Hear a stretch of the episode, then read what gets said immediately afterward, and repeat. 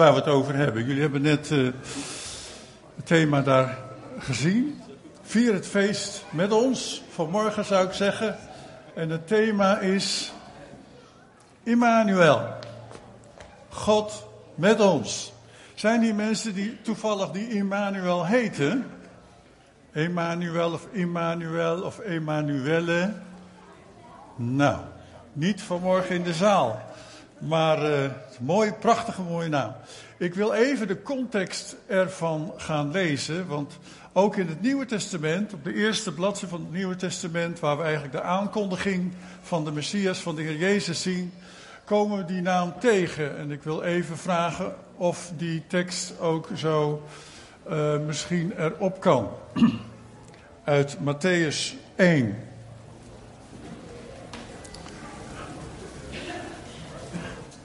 En ik zal de context hiervan lezen. En dan komen we zo dit gedeelte tegen. De afkomst van Jezus, Christus, van Jezus Christus was als volgt. Toen zijn moeder Maria al was uitgehuwelijkt aan Jozef, maar nog niet bij hem woonde, bleek ze zwanger te zijn van de Heilige Geest. Haar man Jozef, die een rechtschapen mens was, wilde haar niet in opspraak brengen en dacht erover haar in het, geheim, in het geheim te verstoten. En toen hij dit overwoog, verscheen hem in een droom een engel van de Heer. En de engel zei: Jozef, zoon van David, wees niet bang je vrouw Maria bij je te nemen. Want het kind dat ze draagt is verwekt door de Heilige Geest. Ze zal een zoon baren. Geef hem de naam Jezus, want hij zal zijn volk bevrijden van zonden. Dit alles is gebeurd opdat in vervulling zou gaan wat bij monden van de profeet door de Heer is gezegd. En dan komt de tekst, de maagd zal zwanger zijn en een zoon baren en men zal hem de naam Immanuel geven. Wat in onze taal betekent God met ons. En Jozef werd wakker, deed wat de engel van de Heer hem had opgedragen en nam haar bij zich als zijn vrouw. Maar hij had geen gemeenschap met haar voordat ze haar zoon gebaard had. En hij gaf hem de naam Jezus. We hebben allemaal een naam gekregen, toch? Hoop ik. En sommigen hebben dan een hele mooie dubbele naam en dan staat er dan nog vaak op het geboortekaartje bij. En de roepnaam is. Nou, zo heb ik ook twee namen. En gewoon mijn eerste naam is ook mijn roepnaam. Maar dat uh, was ook hier belangrijk, de naam van Jezus, Immanuel. Twee namen kreeg hij eigenlijk. Nou, Jezus was de Griekse vorm van Yeshua. De naam in het Hebreeuws, Yeshua, Jozua, wat redder betekent. Immanuel is de Hebreeuwse, is de Hebreeuwse naam voor God met ons. we, we denken er vaak niet over na, maar in betekent met. Nu betekent ons. En El, we kennen dat wel van hè, Elohim, betekent God. Dus God met ons, Immanuel. Mooi hè eigenlijk. Dat in die naam die betekenis al zit opgesloten. En eh, de profeet waar, waar hier over gesproken werd door de engel, uh, dat was eigenlijk de profeet Jesaja. En Jesaja sprak deze woorden tegen een koning. Hij zei, de Heer zal je een teken geven, koning. Want een jonge vrouw zal zwanger worden en ze zal een zoon krijgen. En ze zal dat kind Immanuel noemen. En dat was 800 jaar voordat Jezus geboren werd. Kun je het voorstellen? Die profetieën waren zo oud. En dit was er één van. En we hebben net ook een andere tekst gelezen. Die aan het begin van de dienst was weer een andere die telkens weer hetzelfde zeggen. 800 jaar. En, en het werd gesproken tegen koning Ahaz. Hij was niet zo'n goede koning. Hij hield niet zoveel van God. Hij wilde eigenlijk niet zoveel met God te maken hebben. Maar Ahaz, die waarschuwde hem en zegt: God zal je een teken geven. En het teken was dat kind wat geboren zou worden. Jesaja sprak die woorden gewoon uit. God met ons. Immanuel. Waarom wilde God eigenlijk met ons zijn, bij ons zijn? Nou, Corrie houdt van tuinieren. Wie houdt er van tuinieren? Ah, Ik, ik niet, ik doe wel het grove werk, maar het fijne werk. Dankjewel. Wauw, wat een assistent. Geweldig. En uh, in onze tuin achter hebben we ook vetbollen. Hebben jullie dat ook? Vetbollen of, of, of zaadbolletjes? Want we houden van vogels. En um, ook van die pindakaaspotjes. Nou, geen echte pindakaas, maar een beetje B-kwaliteit pindakaas. En heel veel vogels komen er vanaf. En wij willen daarmee eigenlijk die vogels een beetje door de winter helpen. Ze zeggen wel eens dat het niet hoeft, maar goed, we doen het toch maar. Want soms vind je ook wel eens vogeltjes die het niet hebben gered.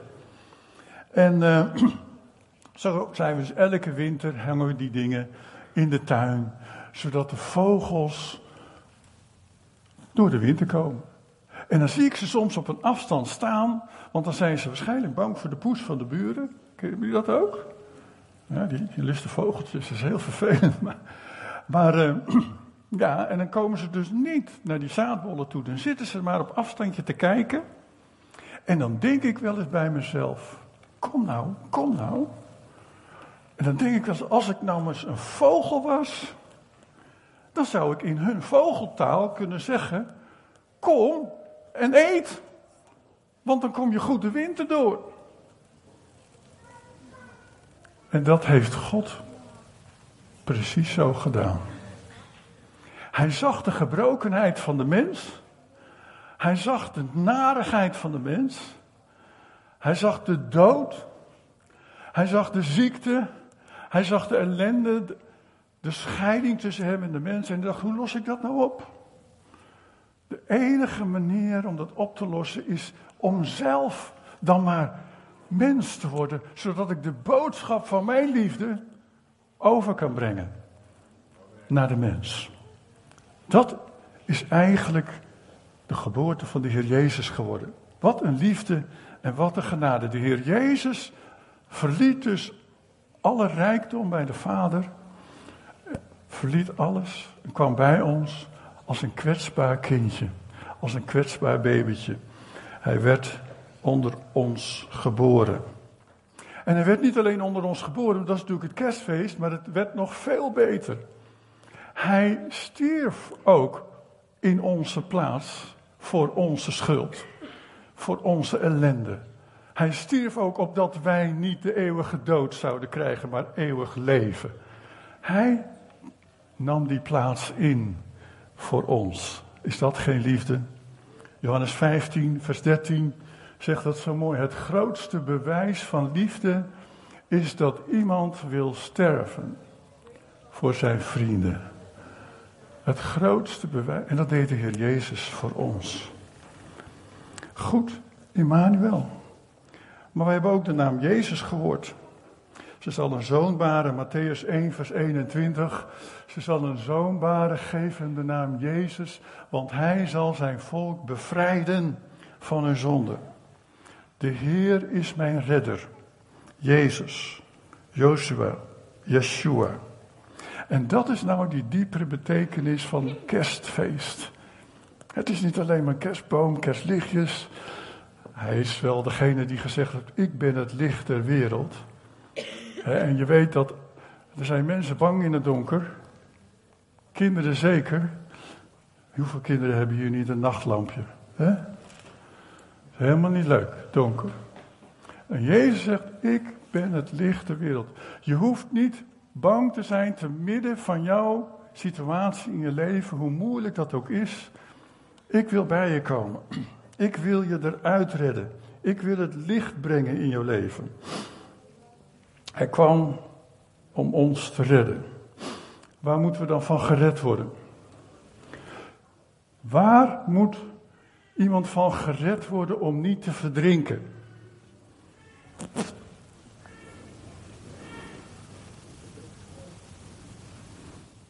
Waar moet iemand van gered worden om niet te verdrinken? Van het water. Ja, van het water. Moeten we het lezen, de volgende tekst, Johannes 8, vers 31. Jezus zei tegen de Joden die in hem geloofden: Mijn boodschap moet in jullie hart zijn. Alleen dan zijn jullie echt mijn leerlingen. Dan zullen jullie de waarheid kennen en daardoor zullen jullie bevrijd worden. Maar de Joden zeiden tegen hem: zijn nakomelingen van Abraham. Hoe kunt u zeggen dat we bevrijd zullen worden? We zijn nooit slaaf geweest. En toen zei Jezus tegen hen: Luister heel goed naar mijn woorden. Iedereen die verkeerde dingen doet, is een slaaf van de zonde. Zo iemand heeft geen plaats bij God. Serieus, hè? Wauw. Help. Hoe, hoe, hoe kan ik wel plaats krijgen bij God? Maar de Zoon van God, Jezus Christus, Immanuel, de Zoon van God kan je bevrijden. En als je bevrijd bent, heb je voor altijd een plaats bij God. Fantastisch, hè? Dat is nou wat de werkelijke betekenis van kerst is. Niet alleen maar een babytje in een stal geboren in Bethlehem. Niet alleen maar cadeautjes en zo en pakketjes. Maar het grootste cadeau van God voor jou was redding. Redding van de verlorenheid die wij hebben zonder God. Door Jezus.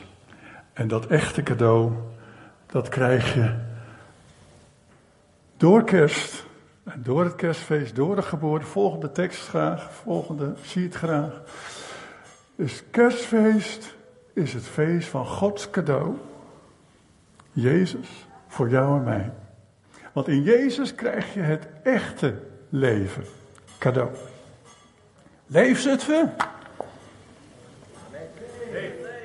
Amen. Leef het we? Amen. Door Jezus. Vader, dank u wel voor uw woord. Dank u dat we kort even mochten over nadenken. En Heer, als wij vanmorgen hier zijn en nog niet weten dat wij een plaats bij God zullen hebben voor de eeuwigheid, dan bid ik echt vanmorgen, Heer Jezus, dat u in ons leven wil komen, in ons hart wil komen, dat wij u uitnodigen. En u ziet ons in onze moeite, u ziet ons in onze verlorenheid, u ziet ons in onze gebrokenheid.